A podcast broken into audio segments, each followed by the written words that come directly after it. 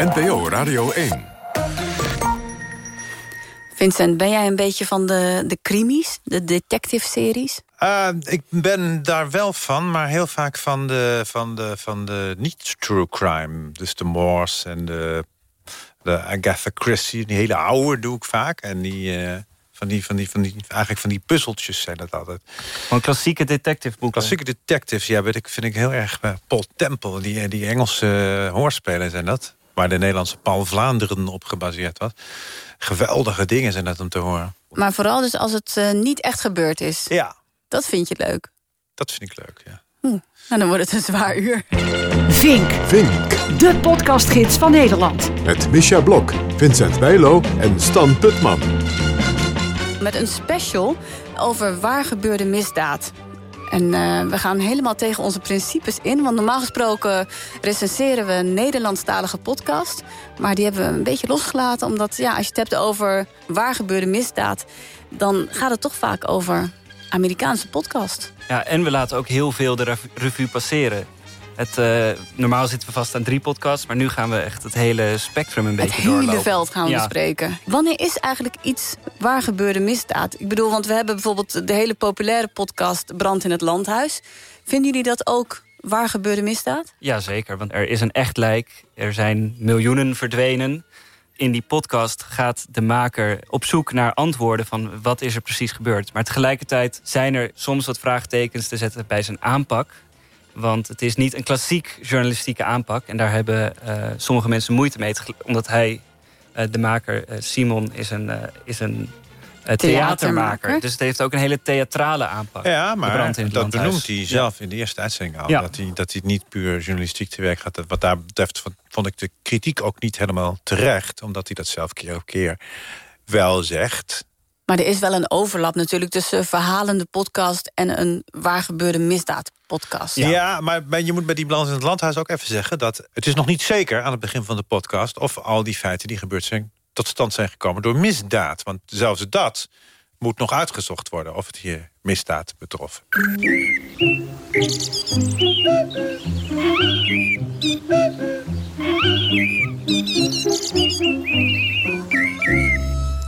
Ja, Vincent, kun jij een uh, soort van korte geschiedenis geven... over de waar gebeurde misdaadverhalen in Nederland? Um, ik ben op de radio op zoek gegaan naar misdaadprogramma's vanuit het verleden. Je hebt in het verleden wel heel veel documentaires gehad over uh, reconstructies van misdaden. Ik kan bijvoorbeeld uh, van het programma ZI, Zaterdag Info heette dat geloof ik. Over welk jaar spreken we dan? Dan spreken we over eind jaren 70. Vorige eeuw kan ik me herinneren dat ze een zaak Annie E. hadden. Annie E. had haar uh, ouders vermoord, geloof ik. En ze gingen dat helemaal uitzoeken hoe dat kwam. En of dat, hm. ik, kan, ik kan me als kind herinneren dat ik dat elke zaterdag hoorde... dat ik helemaal te bak van had en dat ik het vreselijk vond. Ja. Maar ik heb bijvoorbeeld een programma gevonden. Er is een programma geweest dat heette Geen Verboden Toegang. Dat was van Dick de Vree. Dick de Vree is een uh, politieinspecteur geweest in Tilburg... daarna is hij bij de KRO gaan werken. Hij heeft ook een aantal romans geschreven, misdaadromans... maar ook gewoon uh, echte moordzaken gereconstrueerd. Hij heeft een boek geschreven, Fatale Vrouwen, 14 moordenaressen, hmm. bijvoorbeeld. En hij maakte reconstructies uh, van echte misdrijven, echte moordzaken. En ik heb er een gevonden uit 1979. Het is woensdag 9 oktober 1929. In Rotterdam-Noord zijn op een braakliggend terrein aan de Koolse straat... rond een uur of zeven s'avonds een aantal kinderen aan het spelen. Het geschreeuw is niet van de lucht. Maar er zijn er een paar die niet meedoen. Die zoeken met ogen vol spanning het terrein af... want een vriendje heeft bij het hardlopen zijn hele aardse rijkdom verloren. Een cent. En wat kun je daar niet allemaal verkopen? Wel vier zuurballen tegelijk. Een jongeman, in mansjes te pak gekleed, komt aanfietsen, stapt af en vraagt wat er aan de hand is en biedt aan om mee te zoeken. En dat gebeurt. En als de cent dan eindelijk gevonden is, vraagt hij aan Marietje van Os, een beidehand kind van tien jaar, zeg, ik wil naar Blijdorp. Hoe kom ik bij de nieuwe brug over de Schie? Marietje reageert spontaan. Je kunt er veel vlugger komen, zegt ze. Maar dan moet je door de tunnel. Ik zal je de weg wel wijzen. Ze gaat achter op de fiets van de jonge man zitten... zwaait tegen de vriendjes en verdwijnt in de richting Blijderop. Toen nog een poldergebied, nu een deel van de stad. Een eind verderop, in de Koolse straat... staat de vader van Marietje, machinist bij de spoorwegen... in de schemering met wat buren te praten. Hij kijkt op zijn horloge, constateert dat het kwart over zeven is... en loopt naar het speelterrein om zijn dochtertje op te halen. Als hij rondkijkt, komt de klasgenootje van Marietje naar hem toe en zegt... Marietje is er niet. Die is fijn fietsen, met de meneer mee. Vader van Os vindt het helemaal niet fijn. Hij hoopt er het beste van en besluit een kwartiertje te wachten... om te kijken of zijn dochtertje terugkomt. Maar Marietje en de vreemde meneer laten zich niet meer zien. Hevig ongerust gaat hij naar het politiebureau aan de Schieweg... en vertelt er de wachtcommandant wat er aan de hand is. De politie neemt de zaak serieus op en start meteen met een uitgebreide zoekactie. Hoe de man die Marietje meegenomen had eruit zag... vroeg de regisseur die de leiding had aan Marietje de vriendinnetje. Hij had een ribbeltjespak aan, zei het kind prompt. Hetgeen de regisseur terecht vertaalde met Manchester pak. Van vader van Os kreeg hij beschrijving van Marietje. Kort, blond haar, bruine wollen mantel, grijze sportkousen... en lichtbruine schoentjes met een riempje. Dat is het begin van wat de kranten zullen gaan noemen... het Blijdorp-mysterie. De politie zette alle toegangen tot de polder af... en onderzocht meter voor meter het terrein. Het was bijna middernacht toen Marietje onder wat struikgewas werd gevonden. Dood. Het meisje was gruwelijk verminkt, kennelijk aangerand en tenslotte gewurgd. Het Blijdorp-mysterie. Ik vond op Delver een telegraaf uit 1933... waar het ook nog uh, in aan de orde kwam. Dat heeft toen diepe indruk gemaakt, blijkbaar. En dus in 1979, 50 jaar later... heeft Dick de Vree dit in zijn programma Geen Verboden Toegang... waar hij ook uh, rechtbankverslagen en dergelijke voorlas...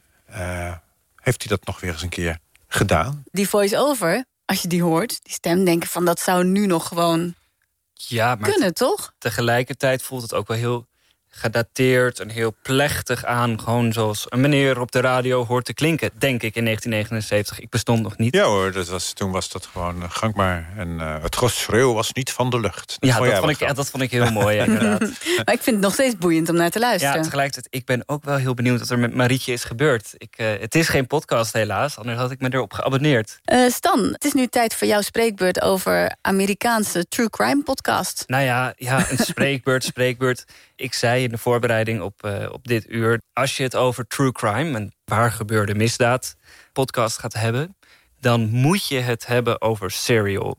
In de podcastwereld is dat een soort van publieksdoorbraak geweest. Het is een podcast gemaakt door de makers van een ander heel bekend radio- en podcastprogramma This American Life.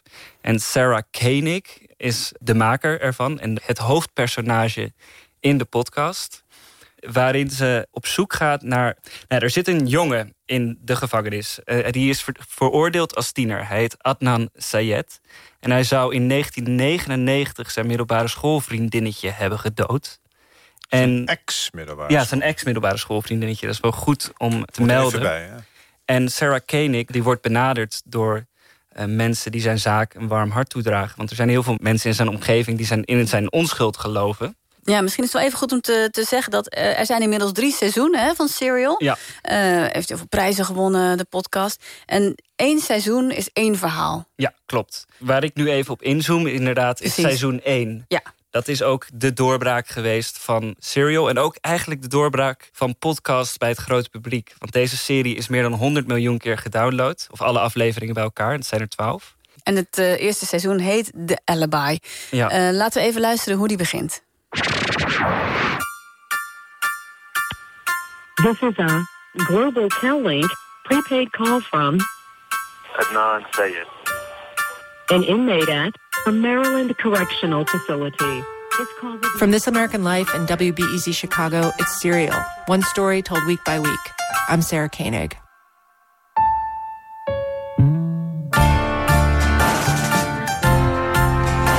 For the last year, I've spent every working day trying to figure out where a high school kid was for an hour after school one day in 1999. Or if you want to get technical about it, and apparently I do, where a high school kid was for 21 minutes after school one day in 1999.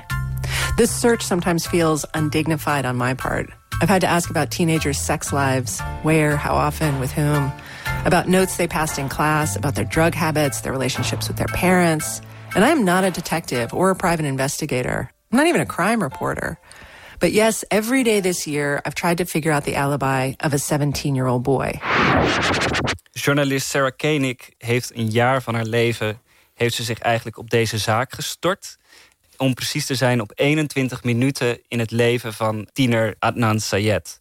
Waar was hij gedurende die 21 minuten? Dat is de vraag die centraal staat in de hele serie... omdat de aanklagers zeggen dat hij binnen dat tijdsframe... Uh, zijn ex-vriendinnetje heeft vermoord... terwijl Adnan Sayed zegt dat hij dat niet heeft gedaan. Nee. En we gaan eigenlijk in de hele podcast met Sarah Koenig, de presentator, mee tijdens haar zoektocht. Dus zij gaat het proberen uit te zoeken. En zij deelt, wat op dat moment heel revolutionair was, de hele tijd haar overwegingen. En ook echt haar persoonlijke zoektocht. En dat is wat heel bijzonder is. Ja, en dat hebben nu heel veel, uh, ook Nederlandse podcastmakers... hebben dat principe, die formule overgenomen. Die doen dat ook de hele tijd. Al die podcasts die gebaseerd zijn op het amateur uh, speurneuzenwerk... Mm Die doen dat. Waar een klassieke journalist nooit uh, zou gaan speculeren... en voor alles drie bronnen willen hebben... en uh, niet de mislukte telefoontjes zou laten horen... en alle dichte deuren zou laten, laten horen. Dat doen zij wel. Doen zij wel, ja. ja. Dus daarom kan het ook in totaal 12 uur duren, zo'n heel seizoen. Ja, Terwijl... wat ik bij deze Sarah ook ontzettend leuk vind... wat ik in het begin al hoorde is dat ze meteen allerlei reserves gaat inbouwen... over het geheugen van uh, haar uh, mensen die ze ondervraagt. Omdat twee getuigen die het hebben over de, de, de, de dag... Uh, dat, dat het meisje vermoord wordt... meteen al iets heel anders zeggen. De ene zegt dat die, dat die, dat die jongen, die Ednan, wel op school was... en de andere die zegt dat hij niet op school was. Ja. Wat ik heel goed vind aan Serial is... Um, je wordt zo mooi aan de hand genomen. Het wordt op zo'n natuurlijke manier verteld. Je hebt geen enkel moment dat je denkt... nou, dit vind ik wel een beetje rommelig... of dit gaat van de hak op de tak. Het wordt op een hele goede manier verteld. En je hebt geen enkel moment als luisteraar... dat je dingen mist of dat het te snel gaat of te langzaam wat ik ook heel fijn vind, is dat ze ook echt achter nieuwe dingen komt. En de misdaad zelf heeft in 1999 plaatsgevonden. Die tiener is inmiddels 32 en zit al jaren in de gevangenis. 15 jaar al. Ja, 15 jaar. En dan komt ze aan het eind van het uh, seizoen... heeft ze nieuwe dingen op tafel gelegd... waardoor ook Nog de niet zaak... spoiler alert, hè? Spoiler alert. Oh, Waar, nou ja, heb ik zelf wel wie weet hekel aan. schijnt het nieuw licht op de zaak. Ja, ja. licht. Oké. Okay. Een uh, andere Engelstalige podcast die Stan en ik hebben geluisterd... is Finding Cleo van de CBC podcast in de serie Missing and Murdered.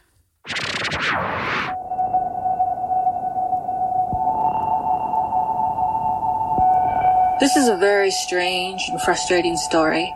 To have your family member stolen, murdered, then missing. I'm Connie Walker, and this is Missing and Murdered Finding Cleo, an investigative podcast by CBC News. What is the big secret? Yeah. To not know anything, not be told anything, and then this child just disappear into thin air now. Mm-mm. Something's amok. My sister Cleo was 11 years old and remembered where she lived and who loved her. She tried to hitchhike back to Little Pine, back home to the reserve, but was picked up, raped and murdered and left by the side of the road.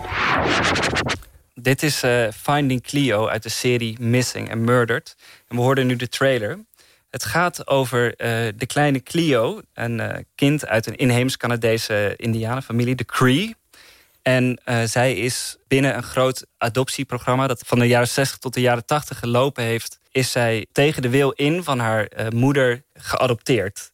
En dat was destijds om de indianenproblemen... zoals de minister het noemde, op te lossen. Want ze wilde integratie dat, bevorderen. Ja, integratie ja. bevorderen. Bizar, hè? Dat is al een heel naar gegeven. En daar zijn 20.000 kinderen uit huis geplaatst... en bij witte families door heel Noord-Amerika geplaatst. Zo ook Clio. En alle gezinsleden, alle kinderen werden opgesplitst. En Clio werd naar Amerika gebracht. En toen begon ze haar thuis te missen. En toen is ze terug gaan liften. En ze is eigenlijk nooit thuis aangekomen. Het enige dat haar oudere zus, 40 jaar later, van haar weet... is dat ze uh, vermoord is, verkracht is en gevonden langs de kant van de weg. En ze weten waar dat is gebeurd. Maar ze weten niet wie dat heeft gedaan, waar haar lichaam begraven is. Wat ik zelf heel bijzonder vond aan deze serie... is dat het aan de ene kant het verhaal van Clio vertelt. Dus dat is echt zo'n speurneuzenverhaal zoals uh, Serial dat ook is. En tegelijkertijd leer je ook over een heel grote uh, mensenrechten schending... die eigenlijk twintig jaar lang in Canada plaats heeft gevonden. Daar kampen nog steeds heel veel mensen mee... met uh, de gevolgen van dat nare systeem. Ik wist dat persoonlijk niet, maar ja, dat is natuurlijk verschrikkelijk. Dat is zo kort geleden nog. Mm -hmm. En dat dat heeft plaatsgevonden. Gewoon in een westers democratisch land, zou ik maar zeggen. Soms heb ik bij true crime podcasts en dit soort nasporingen en dingen... dat ik denk, waarom, wat is de drijfveer? Hè, wat is het motief? Van wie? Nou, van de makers soms. Uh, in dit geval heb ik dat eigenlijk niet. Maar ik heb bij sommige andere podcasts wel. Is, het, is dat nou toch een soort van verlustigen? Ja, ik snap wat je bedoelt. Dus... Uh, bij deze alle twee heb ik dat overigens niet. Maar bij een aantal Nederlandse heb ik dat wel degelijk. Dat ik denk van, Ethisch ja, gezien, dat je denkt een soort van ja... sensatiezoekerij. Ja, sensatie. Ja, sensatie, maar ja. ook gewoon het lekkere zwelgen. En van, oh ja. En, en, en uh, zeker met, met, met oudere zaken... Ja, dat ze dan teruggaan naar een soort romantisch beeld... van die gezellige oude misdaad. En, uh... Ja, maar er zit ook iets idealistisch in. Hè? Er zijn natuurlijk ook al moordzaken. Zelfs in Australië, volgens mij heb je nu een moordzaak... die is half opgelost, ja, dank... dankzij een podcast. Ja. Want je hoopt op nieuwe tips... omdat je toch weer zo'n zaak onder de aandacht brengt. Ja, dat kan ook. Dat kan ook absoluut zo zijn. Vink. Dat weet je nooit, de maar dat, dat heeft ook te maken... podcast die jij gehoord moet hebben. Sorry, Vincent. Sorry. Uh, Wacht even, dat gaan we opnieuw doen. Jacob, doe hem nog eens. Kan dat? Vink. De podcast over podcast die jij gehoord moet hebben. Een van mijn uh, eigen favorieten is de Engelstalige podcast... Missing Richard Simmons. If I told you once, I've told you a thousand times. I love you. This is the Richard Simmons you know. I want to see 25 of these 10, 10, and 5. And we're going to do it together and we're going to burn some calories. Or maybe this is. Welcome back to the show, Richard. How Thank you you, doing? so much, David Letterman. Or maybe this is. Hi! But on February 15th, 2014, Richard Simmons stopped being Richard Simmons. Where is Richard? I have no idea. All of a sudden, nothing. He straight up got up and disappeared. He hasn't been seen in public since and ghosted absolutely everyone he knew. I know because I'm one of them. I'm Dan Taberski. This podcast is Missing Richard Simmons. And on it, I'm trying to find out what happened to Richard. Richard Simmons runs on human interaction. That has been his modus operandi for decades. If he's not doing that, then something is going on for him. It was sort of known that his dog died. Oh, that's huge, though. That's huge for him. For the last like two or three months, he was showing up in drag, like hair, makeup, everything. I'm not trying to just blow smoke. He saved a lot of people's lives. This wasn't just I don't want to be famous anymore. This is everyone has their hooks in me, and I got to claw something back. And it all ends with my conversation with Richard himself. If I can find him. Op 15 februari 2014 verdwijnt fitnessguru Richard Simmons. Kennen jullie hem nog? Nee. Ik nog? Nee? Ik heb nog nooit van hem Uh, gehoord. dus als je hem ziet, zo'n zo'n man met zo'n haltertopje en eh, krullen. Eh, hysterisch. Jij kende hem ook al toen hij nog wel uh, in, Richard in Simmons de picture was. was. Ja, hij verkocht fitness eh, videobanden, hij had fitnessprogramma's. eh, en hij geeft opeens geen les dus meer in zijn eh, populaire fitnessklasje... wat hij al 40 jaar geeft. En een van zijn leerlingen van dat eh, klasje is podcastmaker Dan Taberski. En eh, Dan vindt dit zo erg en zo vreemd dat hij op onderzoek uitgaat. Want wat ik heel erg mooi vind is die persoonlijke zoektocht van Dan. En dat personage van Richard Simmons, die gewoon hysterisch is, aandachtvragend, eh, celebrity. En van de ene op de andere dag opeens verdwijnt. Wat Maar heel... wordt die Richard Simmons Nou ja. ook gespeeld door iemand? Nee. Ah, die, nou ja, die- hij is er niet, hè? Nee, maar ik bedoel, ze, ze hebben het niet gedramatiseerd dat hij... eh, Nee, het is, Ah. eh, het is allemaal eh, echt. Het is allemaal echt, ja. ja. Nee, want dat doen ze ook vaak met true crime. Dat ze gewoon dingen dramatiseren. Maar dit is echt... Ken jij hem ook, Stan? Nou, ik kende Richard Simmons niet, maar ik heb wel Nee, de podcast podcast. geluisterd. Ja. Mhm. En Ik voelde me eerlijk gezegd een beetje ongemakkelijk hierbij. Want Richard Simmons verdwijnt. Maar eigenlijk verdwijnt hij niet. Hij kiest ervoor om nee, uit... dus- nee, stop, Nee, stop. nee, nee, maar dit is, dit is een nee, heel nee, nee, punt. dit kan je niet zeggen. Jawel. Want Nee, dit Je kan, je. dit- alles nee, dit is een spoiler alert. Nee, nee, nee. Want, Ah. hij, nee, want het is, hij, hij, neemt een stap uit de, uit de publieke ruimte. En daar vind ik gewoon dat het zijn keuze moet zijn en moet kunnen zijn. Dat je die En moet respecteren. Dat je die moet respecteren. Nee, maar wat je nu zegt, dat. dat Nee, maar dit, dit dat komt al in pas- aflevering 2 naar voren. Dus, Ja, maar je hebt toch het plezier van aflevering 1 nou weggehaald voor heel veel mensen. Nou ja, maar sowieso Oh. ben ik hier een beetje om het plezier in de levens van de mensen weg te, Te verminderen? nemen. Ja. Oh nee. Dat is jouw taak. Oh. Voel je dat als een roeping? Nee, maar ik vind het wel belangrijk om het te zeggen bij deze podcast. Want ik vond het dus niet zo kies. Deze hele podcast. Ah, dan mag je het. Dan vind ik dus wel, Ik, het is een Misha. wezenlijk eh, punt. wat Nee, ik maar heb wacht, ben jij ook zo iemand die tegen kinderen gaat zeggen dat Sinterklaas niet bestaat? Ja, Nou ja, zeker. eh, ik loop Ja. zo zingend en schreeuwend over straat. Ja. En hoe loopt het af eigenlijk met Richard Simmons? Dat zeg ik niet. Nee, maar ik vind het bijna tegen het sensatie, roddel, tabloid, TMZ, RTL Boulevard aanschurken. Het is Ah. hartstikke mooi gemaakt. Ja, het is prachtig gemaakt en het personage Is ook hartstikke van goed. Richard Simmons is geweldig. Het soort Bassie-achtig figuur Ja. qua eh, Ja. gekkigheid. En Ja. En die... Maar is hij nou dood of niet? Dat weet ik niet. Oh, ik ga een bumper aanvragen. Sluit je aan bij onze luisterclub. Zoek ons op in jouw favoriete podcast-app en abonneer. We gaan naar het Nederlandstalige eh, eh, aanbod. Ja, wat, wat is eigenlijk de reden, Stan, eh, zonder enge dingen te zeggen... dat het in Amerika zo groot is, true crime? Nou ja, wat ik denk, het is begonnen in Amerika. De podcast is überhaupt groter in Amerika. En in zekere zin ook in het Engelse taalgebied is veel groter. Dus zij hebben ook de middelen. Achter een eh, podcast als Serial bijvoorbeeld zit echt een hele redactie. Dus zij hebben ook gewoon de kans om eh, zulke mooie langlopende series te maken. En ze hebben een heel groot publiek. En eh Het taalgebied is natuurlijk ook veel Ja, groter. Het taalgebied is Ja. oneindig. Ik als Nederlander luister ook naar veel Engelstalige podcasts. Dus ik denk eh, dat het helemaal niet alleen een Amerikaans ding is... maar dat er heel veel Nederlanders zijn die ook smullen... van al die eh, sensatie, misdaad, eh, moorden, hoerenloperij, et cetera. ja. Ja, maar dat zit in de mens natuurlijk. Hè? Dat Ja, we het daarom, heerlijk vinden daarom. om gewoon te lezen of te horen hoe iemand anders wordt afgeslacht. Ja, en dan denk je van, ik leef gelukkig nog. Precies. Het Nederlandse aanbod dus. Ik wil een paar eh, Nederlandse eh, waar gebeurde misdaad podcast eh, de revue laten passeren. Laten we beginnen met Laura H. van audiocollectief Schik. Kennen we wel van eh, Den Bob en van El Tarango. Eh, en Das Mag en het gelijknamige boek, boek van Thomas Rup. Vier afleveringen over Laura H., het kalifaatmeisje uit Zoetermeer. En zo klinkt de trailer. Hoe, hoe had je verwacht eh, om.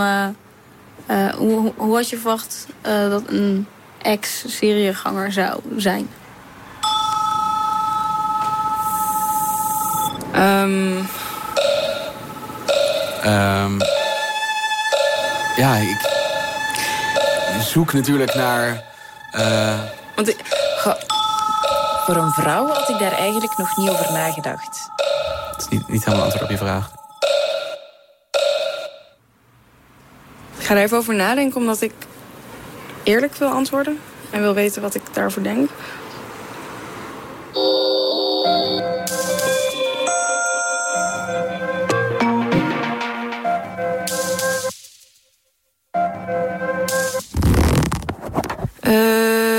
Pff, Oké, wacht. Eerst, eerst dit.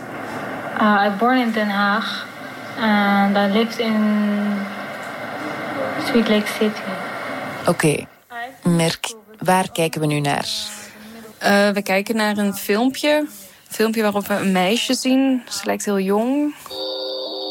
Hoe verwacht je dat een ex-serieganger eruit ziet? Ze heeft sandalen aan. Met, heeft ze sokken daarin? Ja. Nagellak ook? Roze. Is er nagellak in het kalifaat? Een ex-serieganger zoals Laura. Laura H. Weet je nog?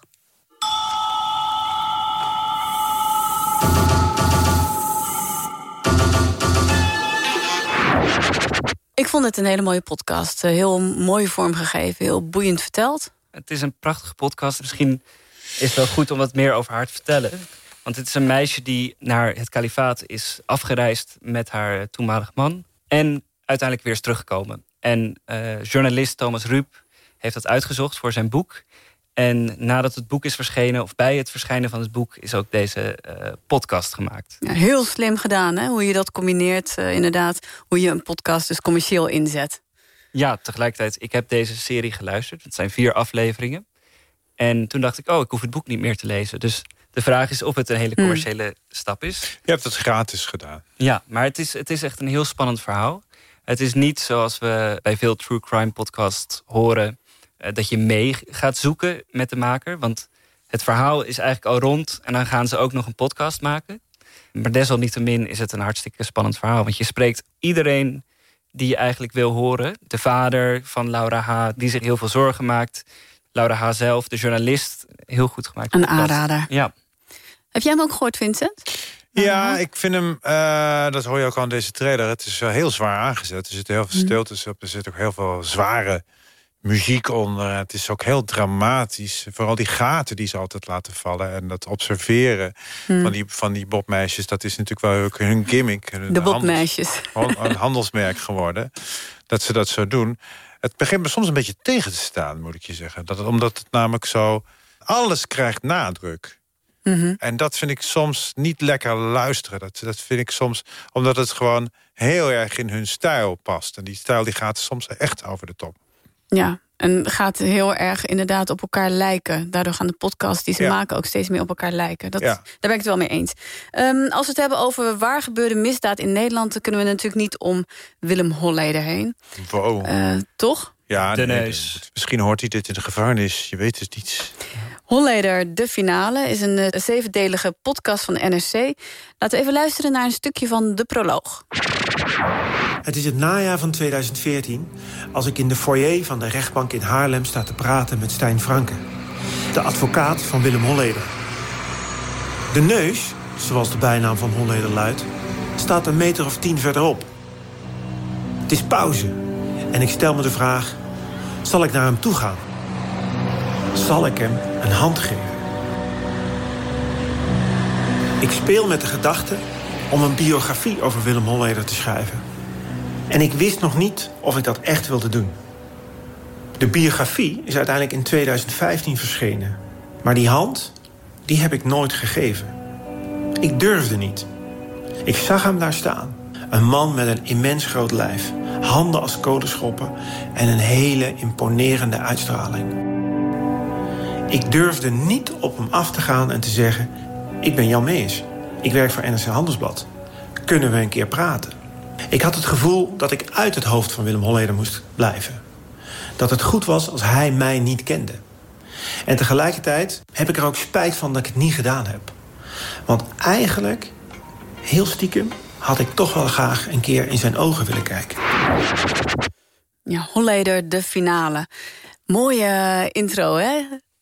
Ja, Jan Meijers, die kan heel goed vertellen. En hij weet er ook heel veel van. Want hij volgt het al eh, sinds de vroege jaren nul. Volgt hij Holleder en eh, wat hij eh, allemaal uitspookt. Ja, en hij geeft dus in zeven afleveringen... een uniek inkijkje in de Nederlandse onderwereld.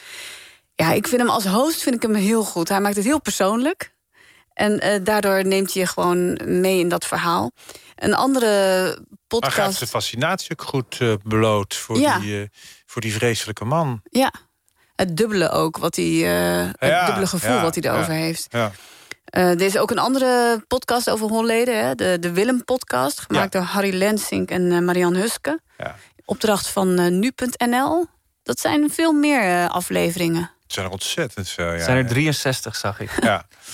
Dat zijn ook echt doorgewinterde Holleder kennis. En, en die Marianne Huske die praat soms in al te veel jargon. En, of hij legt dan ook dingen niet uit. En hij zit haar dan eh, constant te corrigeren. Of voor de luisteraar weer goed uit te leggen. Het is net of het een echtpaar is... waarvan die man constant die vrouw zit te corrigeren. Nee, dat was niet zo. ja, ja, nee, dat moet je nog even duidelijker zeggen. Of dat viel wel mee. Ja. Dat vind ik altijd zo erg. Als je dan net een mooi verhaal vertelt... en dan zegt je partner van... Nou, dat, viel wel mee. Ja, ja, ja dat is, en dat, dat, dat hoor je hier soms een beetje in. Maar ik heb bij deze podcast en bij die andere heb ik dat ook... dat enorme kou altijd over die, over die Holleder. Ik, ik vind het zo moeilijk, omdat ik het zo'n ontzettend walgelijke man vind. Eh, Dus ik vind het zo moeilijk om dit soort dingen te horen. Nou, ik heb dat ook wel, dat ik denk 63 afleveringen over Willem Holleder. Why? Ja. Ja, nee, maar daarom vond ik het, eh, het format dat NRC heeft gekozen... gewoon acht afleveringen, alle belangrijke hoofdstukken... uit de afschuwelijke misdaadcarrière van eh, Willem Holleder bespreken... en dan uiteindelijk toewerken naar eh, het einde van die rechtszaak. Dat vond ik een hele fijne, overzichtelijke keuze. Want aan de andere kant vind ik het ook wel weer fijn om alles op een rijtje te hebben. Want ik loop nog niet zo lang op deze wereld. En toen ik geboren werd, toen was Holleder al een boef. Dus Ja, eh, maar toen was geen het nog om het gezellig. Nou, dat, maar eh, dat durf ik niet zo te zeggen. Knuffelcrimineel was hij toen nog. Nou, dat was bij Ja, college Nee, toen jij geboren werd, dat weet ik uit deze podcast. Eh, niet dat jij geboren werd, maar toen jij geboren werd... zat hij nog in de periode dat hij net eh zaakje ging doen... met de bovengrondse onroerend goedwereld. Dus dat hij, eh, dat hij net op de Wallen inderdaad allerlei dingen ging opkopen. Allemaal ook via Willem Enstra en zo. Die, tijd was, die, die tijd was het. Het was de tijd van de enorme verharding... dat die grootschalige drugshandel begon. Ja, en omdat je in het journaal dan wel vaak voorbij ziet komen... in het proces Holleder was vandaag de zitting, bladibladibla... eh dan is het fijn om toch een soort van kennis... Want dan heb je eh, die historische snel kennis tot je kunnen nemen. Ja, nee, precies. Ja. Dus, eh, Vincent, er komt een bumper aan. Vink. De podcast over podcast die jij gehoord moet hebben. Ja, je luistert naar Vink, de podcastgids van Nederland. Ja, is toch Dat goed om het aan goed. te kondigen? Ja. Goed dat je verwaarschuwt. Ja, toch? Ja. Ja. Ehm, we gaan het hebben over een andere podcast, eh, Nederlandstalig... en dat is De Moord op Patrick. Het is tweede kerstdag 2002. De familie van Patrick wacht op hem in het restaurant voor de kerstlunch. En we hebben hem ook heel vaak gebeld. Ik had zoiets van, ah joh, maak je allemaal niet zo eh, druk, weet je. Het gebeurde wel eens dat hij gewoon twee uur of drie uur te laat kwam. Dus we zijn uiteindelijk maar gaan lunchen, maar het was volgens mij om twee uur, half drie eh, was hij er nog steeds niet. Uiteindelijk gaan ze maar weer naar huis. En ik weet nog, toen de bel ging, dat we echt alle drie opveerden. Zo van. En ik heb ook echt geroepen van, daar is hij. En toen maakte ik de deur open en toen stonden twee mensen voor de deur. Ja, en toen had ik gelijk in de gaten dat het niet Bluis was. ANP, 27 december 2002. De politie heeft op tweede kerstdag het stoffelijk overschot van een 36-jarige man gevonden in zijn woning in Heerlen. De man, die alleen woonde, is op gewelddadige wijze om het leven gekomen. De politie heeft 20 regisseurs op de moordzaak gezet. En toen heb ik uitgeroepen van... eh, pa, Patrick is dood, pa, Patrick is dood. Ja, dat... Patrick was tennisleraar. Wie wilde hem dood? De recherche zei van, iedereen is verdachte. En sommigen zou je echt vast willen pakken. Dan zou je echt misschien een potje mee willen janken of zo, weet je wel. Maar dat deed je niet. Dat deed je niet. Iedereen was verdacht. Hij viel op de verkeerde vrouwen. Oh ja? Daar kwam het op neer, ja. Iedereen kende hem ook in de hele tenniswereld. Als je op stap ging, je dacht, wat kunnen we doen om eh, vrouwelijk geslacht bij ons te hebben? Dan moest je hem erbij hebben. En hij kende ze ook allemaal. Hij kende gewoon iedereen. Vijftien jaar later is de moord op Patrick nog steeds niet opgelost. In Nederland zijn er ruim 1500 onopgeloste zaken. Cold cases.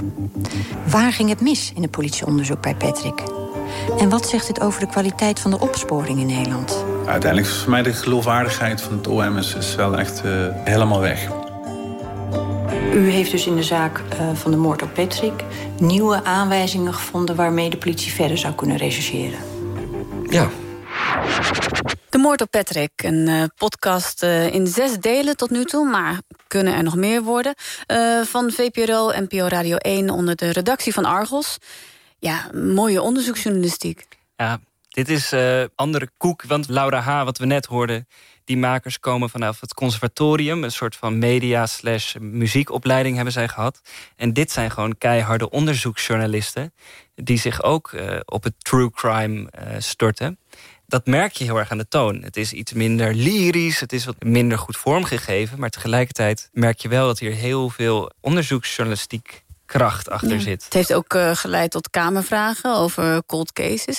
Maar het feit dat het dus wat droger gebracht wordt... eh, zorgt dat er ook voor dat je eerder afhaakt. Ja, hier zit een afhaker. Ja? Ja. Jij bent zo'n afhaker. Ik ben eh, begonnen en ik heb meerdere afleveringen geluisterd. maar op een gegeven moment kwam er een aflevering waarin het heel erg specifiek inging over DNA-monsters en de kwaliteit daarvan. En dan gingen ze naar het forensisch lab. En dat was gewoon niet goed te vertalen naar een podcastaflevering. Vanaf daar ben ik eigenlijk niet meer door gaan luisteren. En de frequentie waarop het uitkomt helpt ook niet mee, omdat het vaak heb je, zit er een week tussen bijvoorbeeld, of twee weken. Maar hierbij was het, uh, verschijnt het zodra ze wat meer kunnen vertellen. Eigenlijk. Dus, Wat ook wel mooi is. Ja, het is hard. Journalistiek is het gewoon wel heel goed. En dus het is heel eerlijk. Maar um, ja, ik mis daardoor een soort van het bingen of het, uh, het lekker geregeld totje nemen. Ja, Vincent, dit is dan misschien wat meer voor jou. Want jij zei er net van ja, dat je je misschien wel een beetje stoort af en toe aan dat het zo dramatisch wordt gebracht, die waar gebeurde misdaad podcast. Ja, maar deze podcast hinkt eigenlijk op twee gedachten. Want wat hij wil doen is dus uh, over die 1500 op, onopgeloste zaken praten. Hij wil praten over wat gaat er dan mis in die politieonderzoeken? Waarom die sporen, waarom lopen die dood? En die moord op Patrick is de aanleiding. En tegelijkertijd verklaren ze hem ook tot hoofdzaak van de podcast. Maar eigenlijk gaat de podcast over... die is veel breder. Die gaat natuurlijk over uh, de werkwijze van de politie. Ja. En daarom haak je ook afstand, denk ik. Omdat je dan... je raakt dan in dat, in dat algemene woud van feiten. Het cold case woud, ja. Ja, en die, en die DNA-onderzoeken en zo. Ja, je krijgt heel veel feiten het niet meer over, die Patrick. Terwijl ze zetten het wel zo in dat het daarover gaat. Dus daarom is die podcast wat mij betreft niet zo goed. Omdat die hinkt op die twee gedachten eventjes over andere eh, podcasts uh, op het gebied van waar gebeurde misdaad die wij eerder hebben besproken in, uh, in Vink. Laten we een paar eventjes uh, de revue passeren. De kofferbakmoord van Dagblad van het Noorden hebben we het over gehad. Hè? Het was een vierdelige podcast over de moord op Ralf... die in 2017 dood in de kofferbak van zijn Mercedes wordt gevonden. Ja.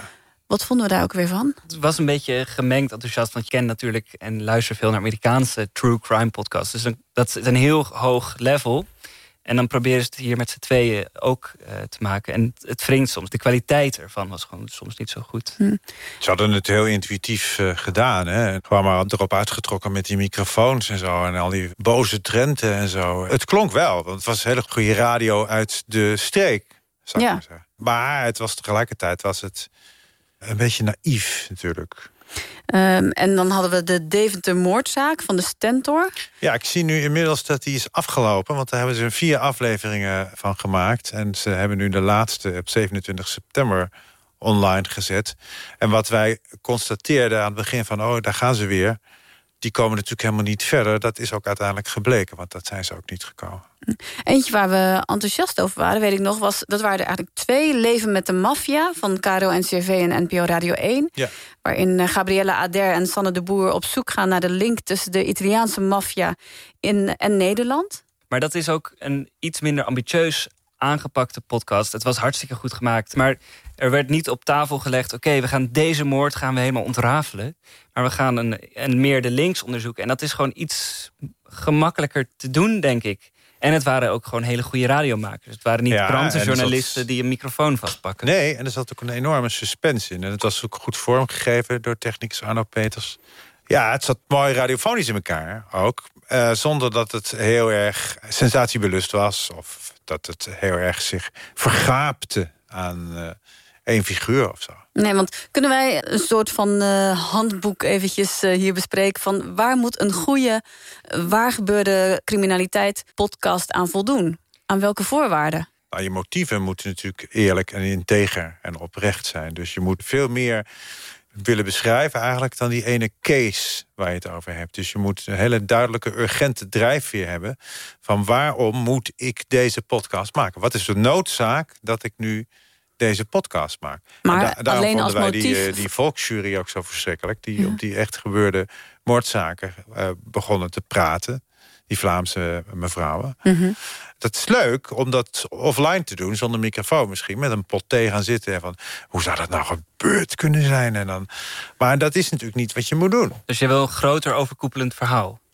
Ja, dat moet, je, dat moet je er eigenlijk bij hebben. Je moet het ook altijd in de culturele context plaatsen...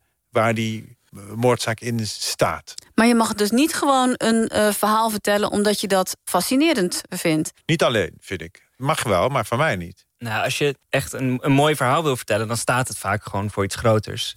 Dat hebben we gezien in Serial, want daar gaat het ook over het justitieel proces in Amerika. Hmm. Of in Finding Cleo, wat we net hoorden, daar gaat het over de onderdrukking van de inheemse bevolking in Canada door de witte Canadezen. Dat voegt echt een extra laag toe aan een Ja. podcast. Dan staat het verhaal als het ware bijna in dienst van dat grotere. Laten we even kijken naar een nieuwe waargebeurde misdaadpodcast... Nederlandstalig, die eraan gaan komen. Eh, dat is De Moord op Wies van het Eindhovense Dagblad. 30 augustus 1989 in Dommelen wordt een dode vrouw gevonden. En dat is de 32-jarige Wies. Zo klinkt de trailer. Lijk onbekende vrouw gevonden in Valkenswaard. Een voorbijganger heeft gistermorgen rond 8 uur langs de Loonderweg in Valkenswaard het lijk van een onbekende vrouw gevonden. De doodsoorzaak is niet bekend. De politie onderzoekt of er een misdrijf in het spel is.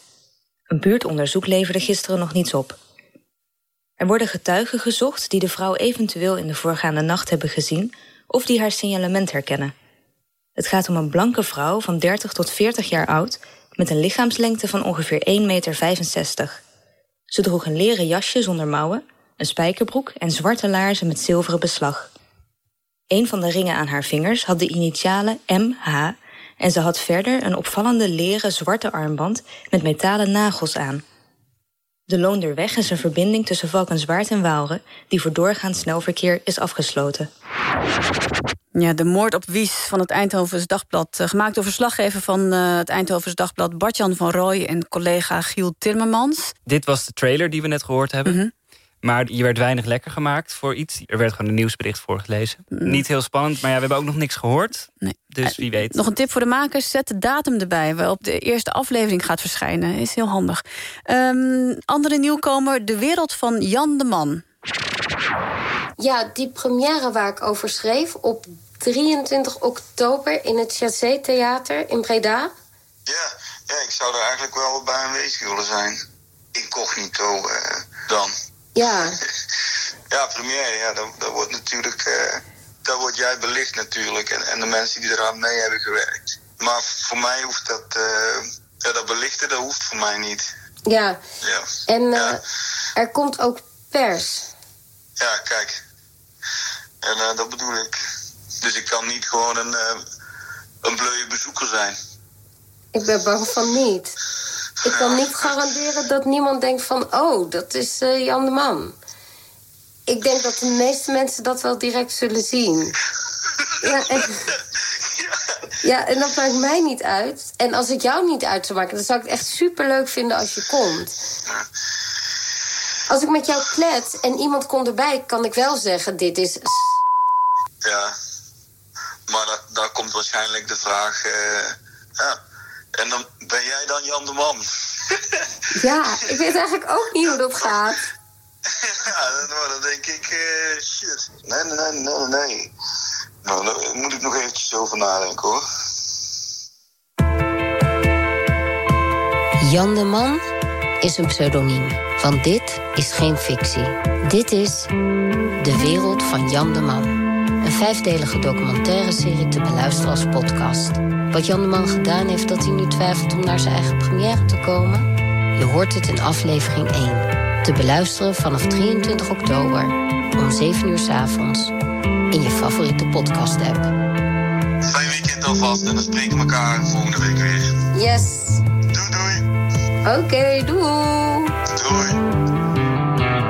De Wereld van Jan de Man is een productie van het Zuidelijk Toneel. Gemaakt door mijzelf, Romane Rodriguez... en met het vetorecht van Jan de Man.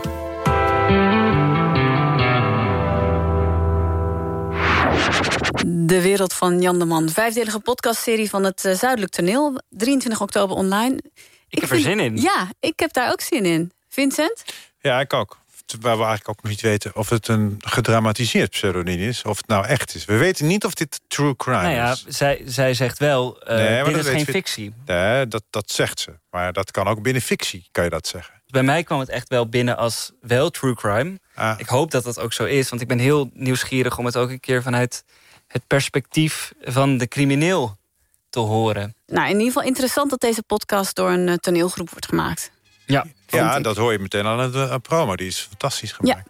Echt heel goed. Nou, tot uh, zover deze speciale aflevering van Vink over waar gebeurde misdaad. Dank voor het luisteren. En wil je eerdere afleveringen van uh, Vink terugluisteren... dan kan dat op Spotify. Het kan in je favoriete podcast-app... of op de site van nporadio1.nl schuine podcast. Heb je opmerkingen, feedback of luistertips? Laat het ons weten. Mail dan naar vink.avrotros.nl. En abonneer je en ja, geef sterren dan... Ja, want die sterren helpen ons weer... zodat andere mensen ons beter kunnen vinden in hun podcast-app. Ja, schrijf een review, dan worden we inderdaad ben jij toch ook, nog beter gevonden. Dat ben ik, middelneem.